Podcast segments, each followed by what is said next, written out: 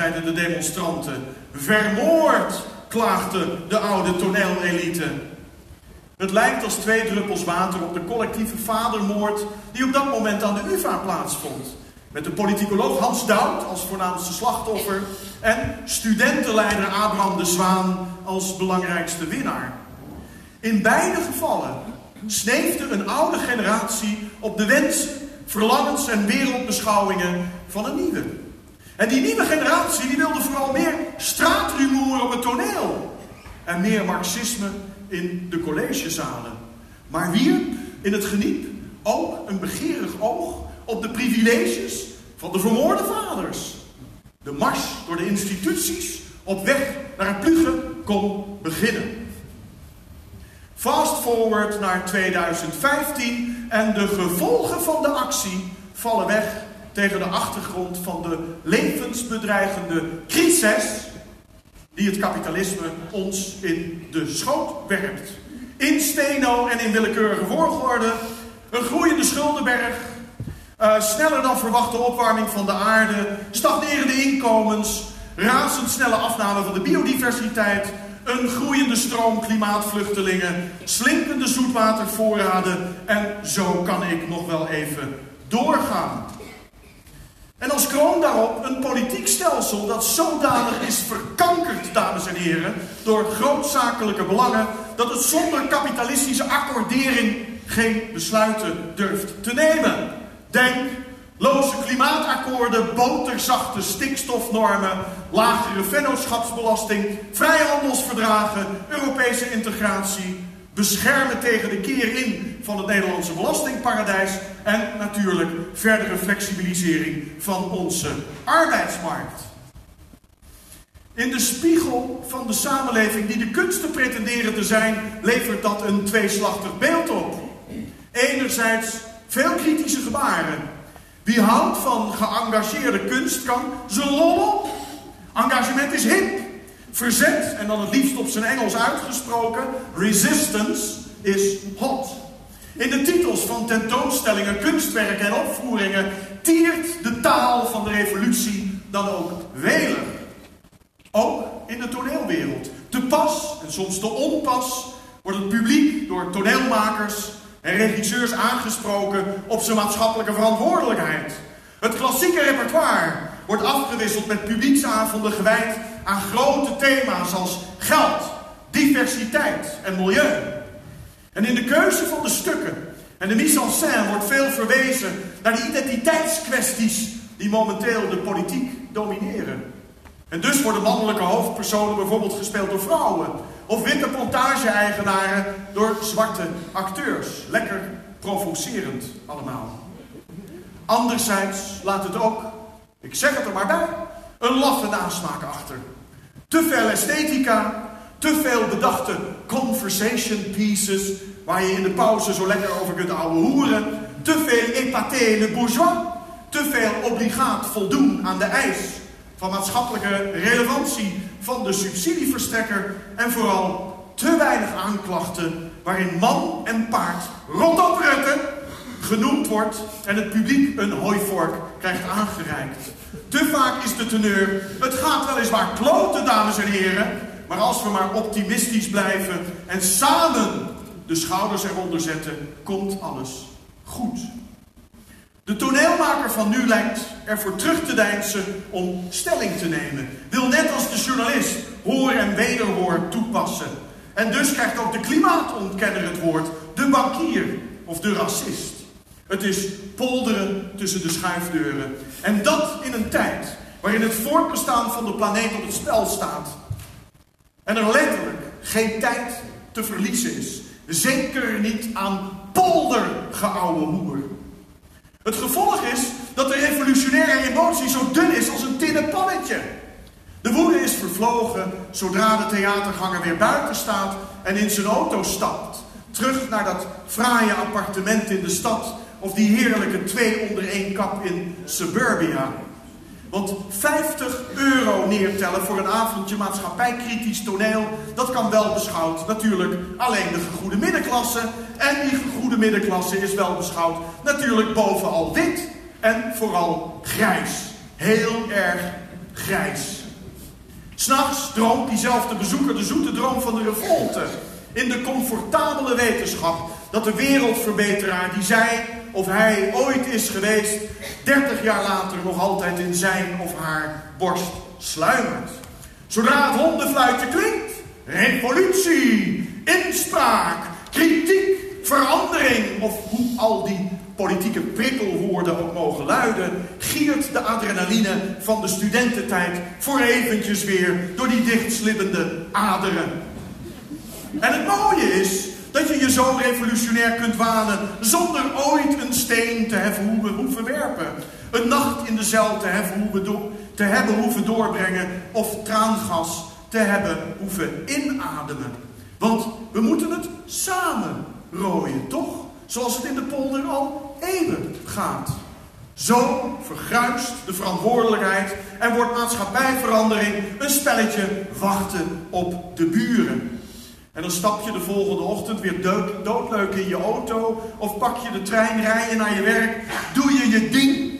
Ben je blij met holle klimaatakkoorden en zorg je er alleen al daardoor voor dat de neoliberale status quo weer een dagje langer ongemoeid zijn onzalige dingen kan doen. Dames en heren, het is een bekende pacificeringsstrategie. Maak je critici monddood door hun taal over te nemen. En suggereer vervolgens met die taal dat jij ook daadwerkelijk veranderd bent. Kapitalisme 2.0, 3.0, 4.0. In een prachtig boek, getiteld The New Spirit of Capitalism, hebben de Franse sociologen Luc Boltanski en Yves Chapello laten zien hoe dat werkt. Iedere volgende crisis van het kapitalisme mondde uit in een nieuw legitimerend verhaal. Van welvaart in de eerste naoorlogse decennia naar vrijheid sinds 1989 naar zelfontplooiing in de 21ste eeuw. Kijk de managementliteratuur er maar op na. En dus vinden we heden ten dagen de mediterende hippies in de bestuurskamers van multinationals. Is boeddhistische mindfulness het middel geworden om overspannen managers opnieuw de arbeidsmarkt op te schoppen zonder te zoeken naar de echte oorzaken van stress? Is vrijheid de politieke term waaromheen een scala aan internetwinkels zijn marketing heeft geplooid? En is revolutie een begrip geworden waar vooral bedrijven zich graag mee tooien? Een revolutie in de wereld van de lipstick zag ik onlangs op een billboard. Het spijt me het te moeten zeggen, dames en heren, maar net zo'n rol speelt maatschappijkritiek in het toneel. Het is een aflaat, een fopspeen, een tijdelijke spierverslapper, een sedatief, een leverancier van loze, kritische gebaren. En ik ben bang dat 50 jaar na actie tomaat smijten met een rotte avocado. En ik heb er eentje meegenomen in een plastic zak, want mijn fucking pak mag niet vies worden. Aan de kant, dames en heren.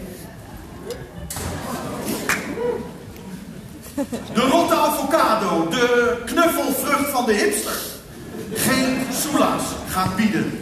Zeker niet als de werparm toebehoort aan de huidige toneelelite. Veertigers en vijftigers allemaal, met kinderen en hypotheken. En zoals we weten, geen probater middel om de revolutionaire vonk te doven dan schuldslavernij. Net als 50 jaar geleden zal het van de millennials moeten komen. Litting en Ernst Karst waren begin 20 toen ze het podium bestookten met tomaten. En dat is geen toeval. Wie niets bezit, heeft ook niets te verliezen. En dus veel te winnen. Maar anders dan toen geldt dat laatste niet voor de twintigers van nu. Zij hebben niets te winnen. Van de toekomst hoeven zij niets te verwachten. Geen huis, geen pensioen, geen vaste baan, geen vast inkomen en geen planeet. Daar zorgen Shell, Unilever, KLM en hun diefjesmaten in Den Haag wel voor.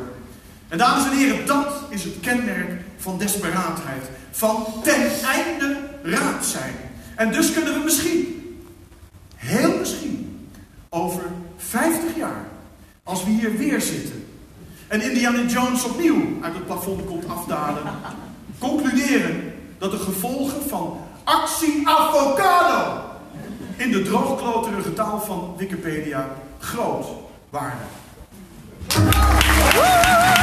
Ja, Uh, mag ik dan even, politie, dat bleek al. Uh, ik, heb, ik heb één zinnetje maar te zeggen. Wat? Politie, dat, ja. Mag ik? Dank u wel. Meneer Van Hensbergen. Geachte toehoorders.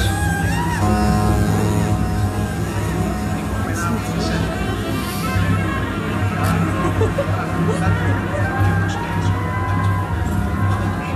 Uh, dames en heren en alle anderen, welkom in de stad Schouwburg. Welkom in de stad Schouwburg. Beter bekend als International Theater Amsterdam. ITA.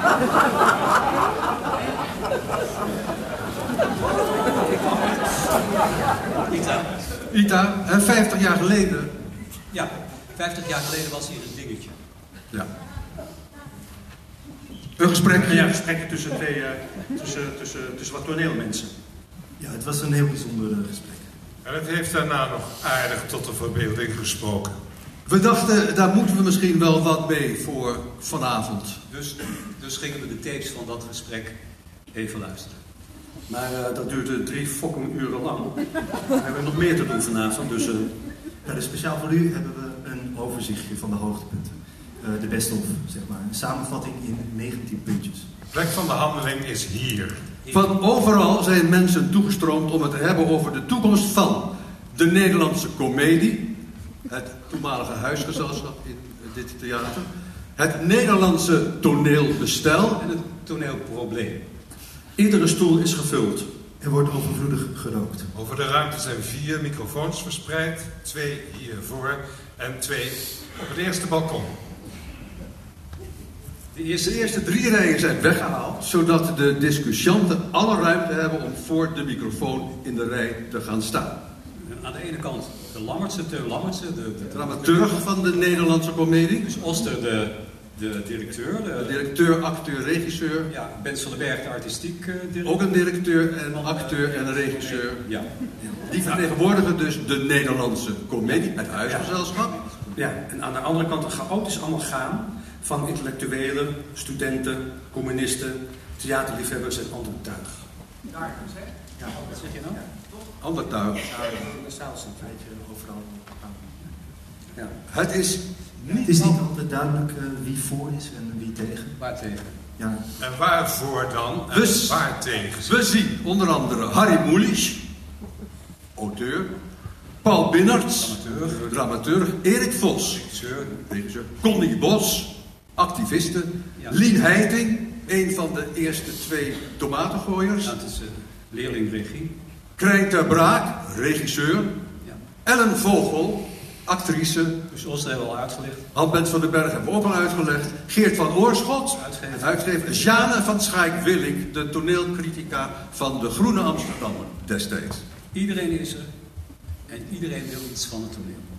Toeschouwers worden spelers en uh, spelers worden toeschouwers. We beginnen. Ja. Punt 1. Wat vooraf ging. Ja, en er was wel of geen brief gestuurd met een uitnodiging tot een gesprek over het hoe en waarom van de Nederlandse comedie. Uh, toen de wel of niet gestuurde brief niet werd beantwoord, werden er dan tomaten naar de toneelspelers gegooid. Guus Oster van de Nederlandse Comedie zegt... Er was geen brief, maar er is nu toch een discussie. En hij hoopt dat de discussie vruchten af zal werpen. maar dan wel in de overdrachtelijke zin. Ja, de gespreksleider, Lucas van der Land...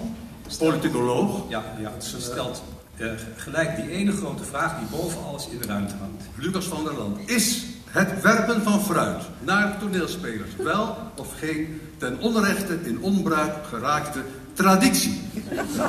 Punt 2. Grondvragen van verschillende sprekers. Wat, mijn heren, is de artistiek-maatschappelijke oriëntatie van het beleid?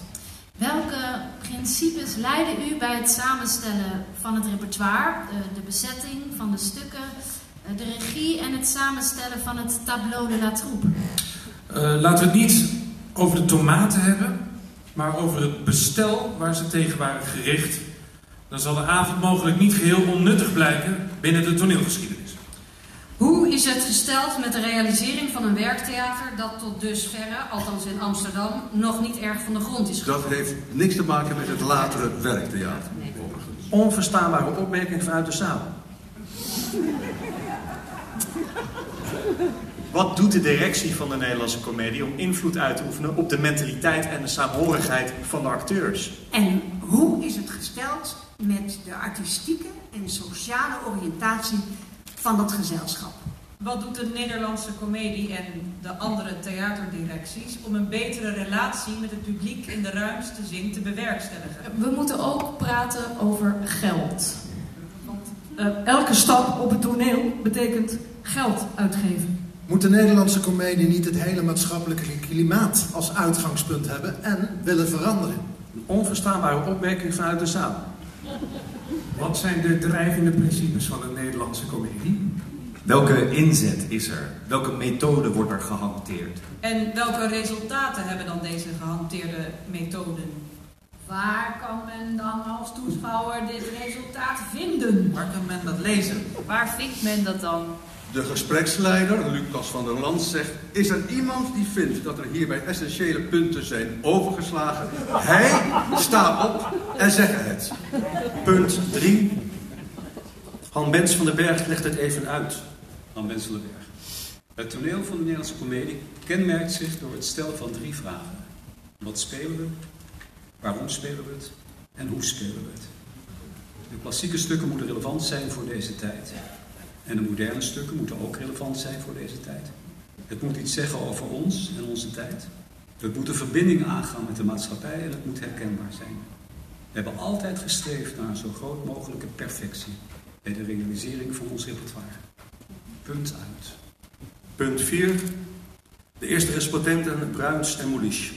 Ik ben iemand uit de zaal. Het klinkt natuurlijk erg mooi van wij spelen. Oh, ik ben mijn naam vergeten. Bruins. Bruins is iemand in de zaal. Een, Iemand uit de zaal. een toeschouwer, toneelliefhebber wellicht. Wij spelen die stukken die op een gegeven moment iets met de maatschappij te maken hebben. Maar dan komt toch de vraag naar voren: welk maatschappijbeeld heeft u voor ogen? En welke criteria hanteert u om juist deze stukken te gebruiken? Harry Moelisch. Ik ben Moelisch. Schrijver. Ik ben Moelisch. Ik heb één zinnetje maar te zeggen. En ik geloof dat daarin de hele reden waarom wij hier zijn en waarom er allemaal moeilijkheden zijn, terug te brengen is. Mens van den Berg heeft gezegd dat er drie punten zijn die tot een beleid leiden. Waarom spelen we? Hoe spelen we en wat spelen we? Ik geloof dat er een vraag ontbreekt en dat is waarom we hier zijn en dat is voor wie spelen we? Uh, Teun Lammertsen. Uh, om te beginnen wil ik graag even wat zeggen over die stelling van Harry Moelis. Voor wie speel je? Onvermijdelijk kan je maar voor één soort mens spelen. Iemand roept, voor wie er betaalt. Teun Lammertsen. Acteurs, regisseurs en mensen die zich met het toneel bezighouden, zijn geen dieren die buiten een gemeenschap staan. Het zijn mensen die volledig tot die gemeenschap behoren. Ze hebben er deel aan en zij kunnen alleen dingen overbrengen aan mensen van diezelfde gemeenschap. Of dit nu scholieren, arbeiders of de bourgeoisie zijn. Ten Lammertsen. Belangrijk is dus waarom je welke stukken speelt. Dit gezelschap heeft geen politiek engagement. Wij stellen ons vrijblijvender op. En dat is niet toevallig. Teun Lammertsen. Uh, misschien zijn er wel mensen in dit gezelschap die een duidelijker engagement hebben, maar ze denken er niet allemaal hetzelfde over. Ze hebben verschillende meningen en dus vertolkt het repertoire ook verschillende meningen. We moeten het wel waarmaken en dat lukt niet altijd. Dat is een probleem. Punt 5. Guus Rekers doet zijn intreden met een vlammend pleidooi voor een politiek engagement. Guus Rekers was het luidste applaus in de avondroost. Guus Rekers was de drama, was uh, toneelcriticus ook in de Groene Amsterdammer. Later werd hij dramateur bij het Publiekstheater, een van de opvolgers van de Nederlandse Comedie. Guus Rekers. Meneer de voorzitter, ik ben de heer Rekers en ik zou zo verschrikkelijk graag even met de heer Lammertsen in de clinch willen over die maatschappelijk geëngageerdheid die geen politiek engagement hoeft in te sluiten. Ik vind dat in wezen een volkomen onbegrijpelijke uitspraak. Want bezig zijn met de maatschappij impliceert een politieke activiteit. Het bedrijven van cultuur is evenzeer politiek bedrijven als het bedrijven van wat politiek genoemd wordt. Applaus. Guus Rekers, u stelt, meneer Lammertsen, wij verschillen daarover van mening. Maar is het misschien ook mogelijk, meneer Lammertsen, om een gezicht, een beleid, een porum aan de bevolking te laten zien? Jullie zitten al 2,5 jaar een beetje aan te klooien. En dat zien wij als publiek dat zo graag zou willen komen, maar dat het zo langzamerhand steeds meer verdomt. Heeft u eigenlijk een bestaansrecht als u een ensemble maakt gebaseerd op zeven verschillende gezichten die het bovendien nog in een heleboel opzichten principieel niet met elkaar eens zijn? Een artistiek aanbod moet namelijk die grote pushing power van dat ene gezicht van die enorme gemeenschappelijke wil krijgen. Anders hoeft het mijns inziens niet. Lang en daverend applaus barst los.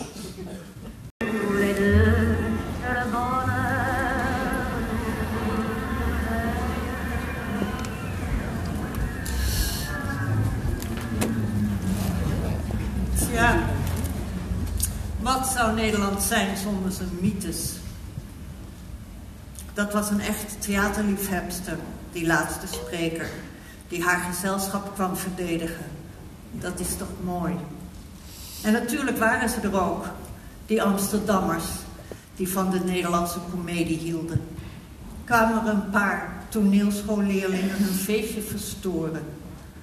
Als ze daar al iets van gemerkt hadden tenminste, want dat die tomaten in de ronde vlogen tijdens die beruchte voorstelling van de storm op 9 oktober, dat is natuurlijk een mythe. Een paar plofjes aan de zijkant van het toneel tijdens het applaus. Dat was alles, als ik de ooggetuigen mag geloven. Maar wat is Nederland zonder mythes? Een vingertje in de dijk, onze gouden eeuw, allemaal goed in de oorlog en niemand een racist. Een voorloper en o zo open. Daar kunnen een paar tomaten die een revolutie veroorzaken nog wel bij. Hier had natuurlijk Luc Sonneveld moeten staan. Hij beleefde zijn coming out als theaterliefhebber bij een voorstelling van de Nederlandse komedie. En omarmde zowel zijn oude liefde als alle vernieuwing die er voor en na de actie plaatsvond.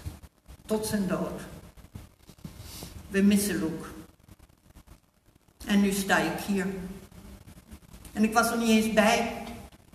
Niet ervoor, niet tijdens, maar pas vele, later, vele jaren later, toen ik dat weer wel erop afstudeerde. En ik ben een vrouw. Dus op het. Want er zijn ook van die mensen die nooit de mythische proporties krijgen die ze verdienen. En meestal zijn die mensen van een bepaald geslacht. Eerst jij, Lien. Je zit volgens mij in de zaal. Lien Heiting. Zij kocht die rijpe tomaten en warmde ze wat voor tijdens de voorstelling, zodat ze lekker zou ontploffen. En al wist je misschien niet wat een herrie je ermee zou ontketenen, het was een moedige daad. Dank daarvoor.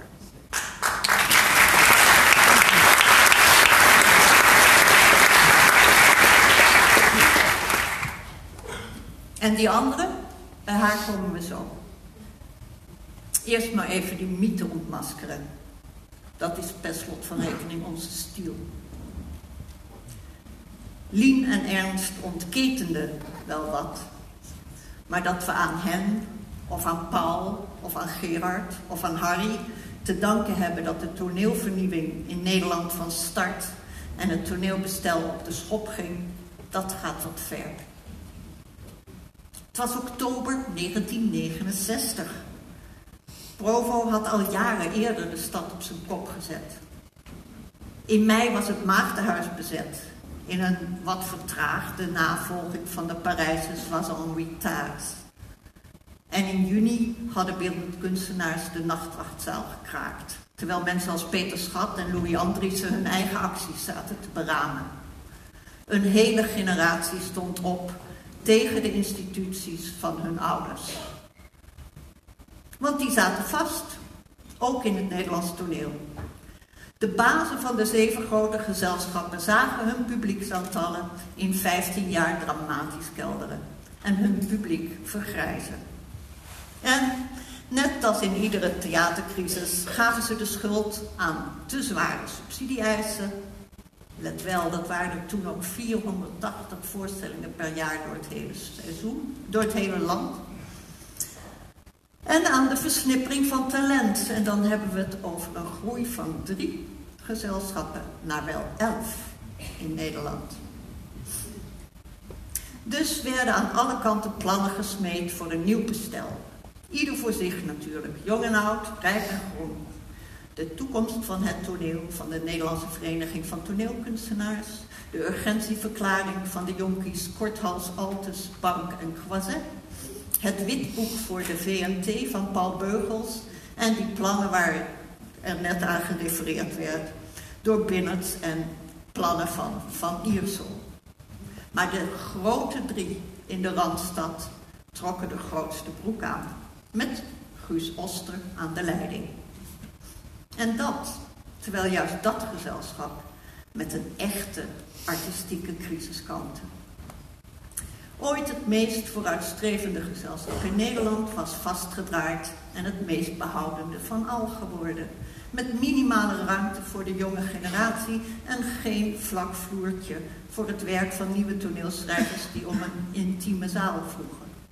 In Den Haag en Rotterdam hadden ze dat beter geregeld.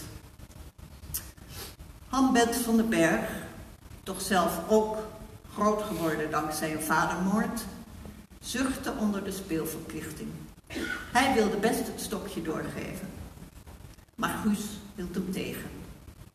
Diezelfde Oster die tot die dag van 9 oktober de supposten opdracht gaf iedereen zonder colbert of gepast toilet de toegang tot deze schouwburg te ontzeggen.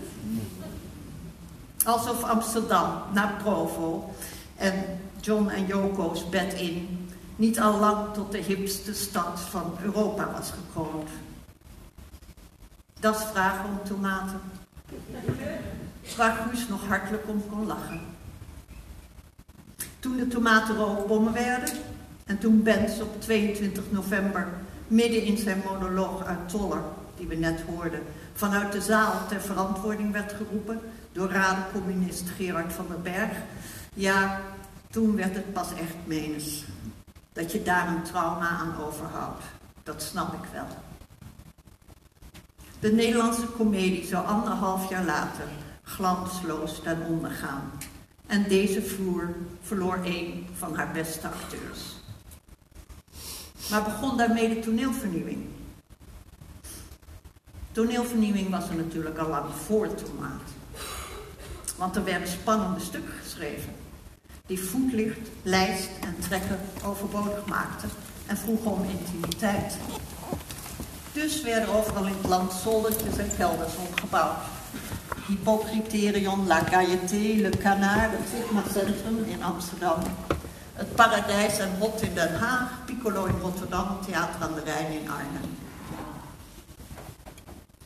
En er waren kunstenaars die verder keken dan de schouwburgen in Nederland. In Duitsland bijvoorbeeld, in Polen, in New York. En voor wie het repertoire niet langer heilig was. Kees van Iersel, die de absurdisten regisseerde in het zaaltje boven Tuschinski. Later in de door Wim verbouwde grond. Adrie Boon met zijn Haagse studio Scarabée. Een bonte verzameling beeldend, kunstenaars. Hijzelf, Woody van Amen, schrijvers, Lucebert en muzici die theater gingen maken, al noemden ze dat nog niet zo. Poptecom en Fata Banana, zo popart als het maar zijn kan.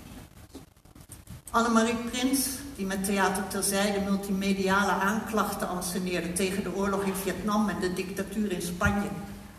Zoals een zaak Lorca is ons niet bekend, uit 1966, met onder andere Matthijs van Heiningen en Willem Nijholt in de hoofdrol. En natuurlijk dat zoontje van een textielfabrikant die zijn boerderij in Loenersloot opende voor de internationale avant-garde, ons aller Ritsart en Katen. Geen van die vernieuwers nam deel aan actie Tomaat. Eén van hen stond op het moment suprême bijna naakt op het toneel en claimde later dat te zijn geraakt door een tomaat. Dus toch? Of is ook dat een mythe? En daar komt ze dan eindelijk, de vrouw die mythe verdient. Want, of we nu willen of niet, uiteindelijk zijn het toch de voorwaardenscheppers, de beleidsmakers, die revoluties kunnen maken en breken.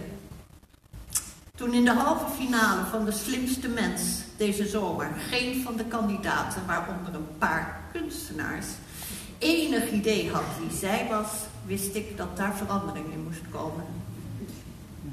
Marga Klomp B. Nederlands eerste vrouwelijke minister. Wat danken we niet aan haar?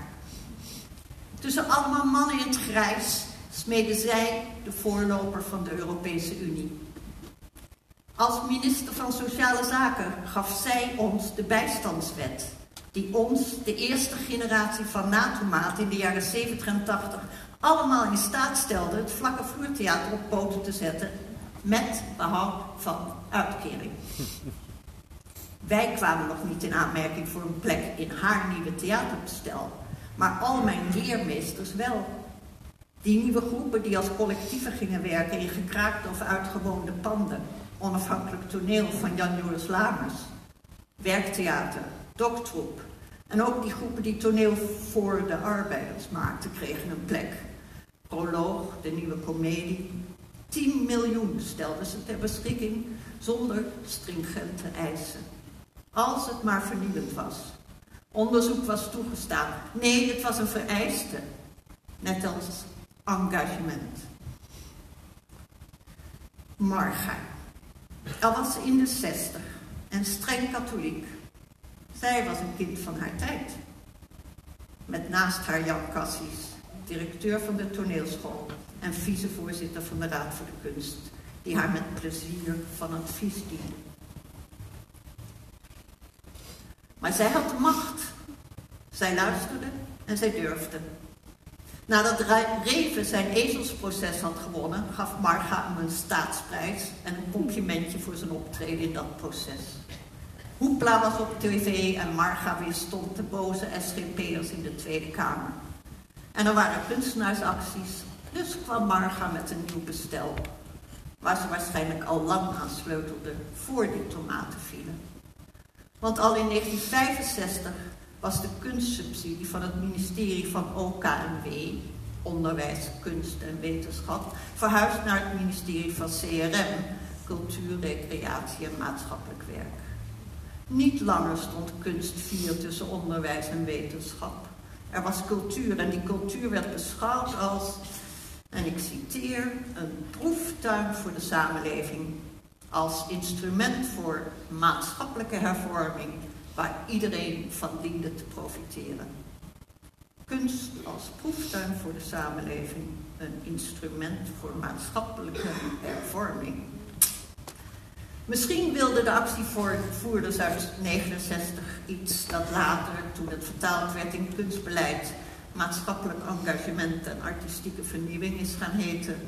Maar de rookbommen werpende raden communisten, de drammerige dramaturgie-studenten en die twee toneelschoolleerlingen met hun zakje tomaten hadden natuurlijk ook elk hun eigen agenda. Kunstenaars die de wereldrevolutie wilden ondersteunen, subsidies voor artistiek experiment en subsidies voor actueel politiek theater. Maar toch ook betaald werk voor de eerste lichting regiestudenten, de eerste lichting dramaturgen, die niet terecht konden of wilden bij die handvol gesubsidieerde gezelschappen van dat moment. En één ding hadden ze gemeen.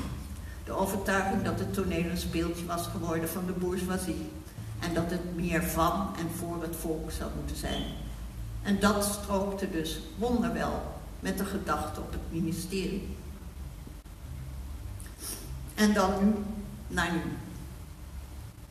Sinds Marga's nieuwe bestel heeft Nederland tientallen jaren kunnen bogen op het meest flexibele stelsel in Europa. Iedereen was jaloers op die ruimte voor kleinschalig, voor experiment, voor jonge makers. op ons mikkerie dat de internationale avant-garde een gateway to Europe bood. Op projectsubsidies, subsidie voor onderzoek, een theaterinstituut dat over de grenzen tot voorbeeld diende. Tot die snotneus, die geboren werd in het jaar van tomaat, de bijl zette in al dat moois. En de internationale roem van het Nederlandse bestel in één klap teniet deed. Onze collega's in het buitenland in verbijstering achterlatend. Kunst heet opnieuw een speeltje van de elite te zijn. In Liens tijd was dat de bourgeoisie. En de theaterkunstenaars waren profiteurs die leven op de zak van de belastingbetaler, die vroeger nog gewoon het volk heette. Deze keer kwam die tekst niet van een nieuwe generatie kunstenaars die op de deuren van de instituties beukten. Nu ging het over het werk van alle kunstenaars. En zijn het onze politici die we dat over ons laten zeggen. Politici die helemaal niet in zijn voor een proeftuin van de samenleving. Of maatschappelijke hervorming. Integendeel, die gewoon tegen subsidie zijn. Geef het volk wat het wil en het betaalt er zelf voor. Zoiets. En dat volk, dat steunde ons helemaal niet toen we met z'n allen naar het Malieveld opstoten in onze mars der beschaving. Want misschien waren we wel hopeloos gefaald in onze opdracht een proeftuin te worden en een instrument van verandering. Waarschijnlijk was dat ook wel wat veel gevraagd van de kunsten. Maar waren we in de afgelopen decennia niet zo in ons spel opgegaan dat we blind waren voor het feit dat die samenleving onder onze ogen er echt wat anders uit was gaan zien? Dat die maatschappelijke verandering meer dan ooit nodig was, maar dat je daarvoor wel naar meer moest kijken dan naar je eigen huistuin en keukentje. Zeker als je wiegje al generaties lang op onze drassige bodem stond. Want dat volk dat had inmiddels een ander gezicht gekregen dan dat kluitje protesterende kunstenaars in Den Haag. En vandaag staan we op de drempel van een bestel dat de instituties weer steviger in het zadel gaat hijsen en de flexibiliteit en al die kleinschaligheid verder gaat terugvloeien. En het is ijzerstil aan de kant van de jongens, ja vrijwel allemaal jongens, die groot groeiden dankzij de flexibiliteit in de kleine zalen en die nu de scepter mogen zwaaien in de instituties. Ze doen mooie dingen, maar we horen ze niet. We horen niet dat ze de kleinschaligheid verdedigen of plaats willen maken voor een collega van kleur. Is het dan weer tijd voor tomaten? Laten we het Marga vragen. Marga, wat is er van jouw droom terechtgekomen? Ik denk dat ze zegt dat ze trots is op wat er zich na haar dood op de podia heeft afgespeeld. Onder toezicht ogen van haar opvolgers, die het bestel naar eigen goeddunken een nieuwe invulling gaven, maar de fijnmazigheid niet wezenlijk hebben aangetast. Tot voor kort. En er zijn er drie die ze graag nog eens zouden ontmoeten. Halbe, Rick en Ingrid. De eerste om hem een draai om zijn oren te geven. De tweede om hem te vragen waarom hij niet wat doortastender is geweest. En Ingrid om haar aan te raden te gaan kijken in de kleine zalen aan de randen van de stad en in de marge van het bestel. Want opnieuw is het daar dat de makershuizen die echt nieuwe perspectieven bieden, waarmee ze als vanzelf die andere stad bereiken. Dat van Engelshoven, anno 2019 aan een wit veld komt vragen om eindelijk eens inclusief te worden, dat vindt Marga een godspe. En zij weet als geen ander dat zo'n verzoek aan instituties geen zoden aan de dijk zet. Dat had Rick twintig jaar geleden ook al eens geprobeerd. Zou het niet mooi zijn als we over 50 jaar weer een requiem konden organiseren voor een paar tomaten die een minister ervan hadden overtuigd dat alles anders moest?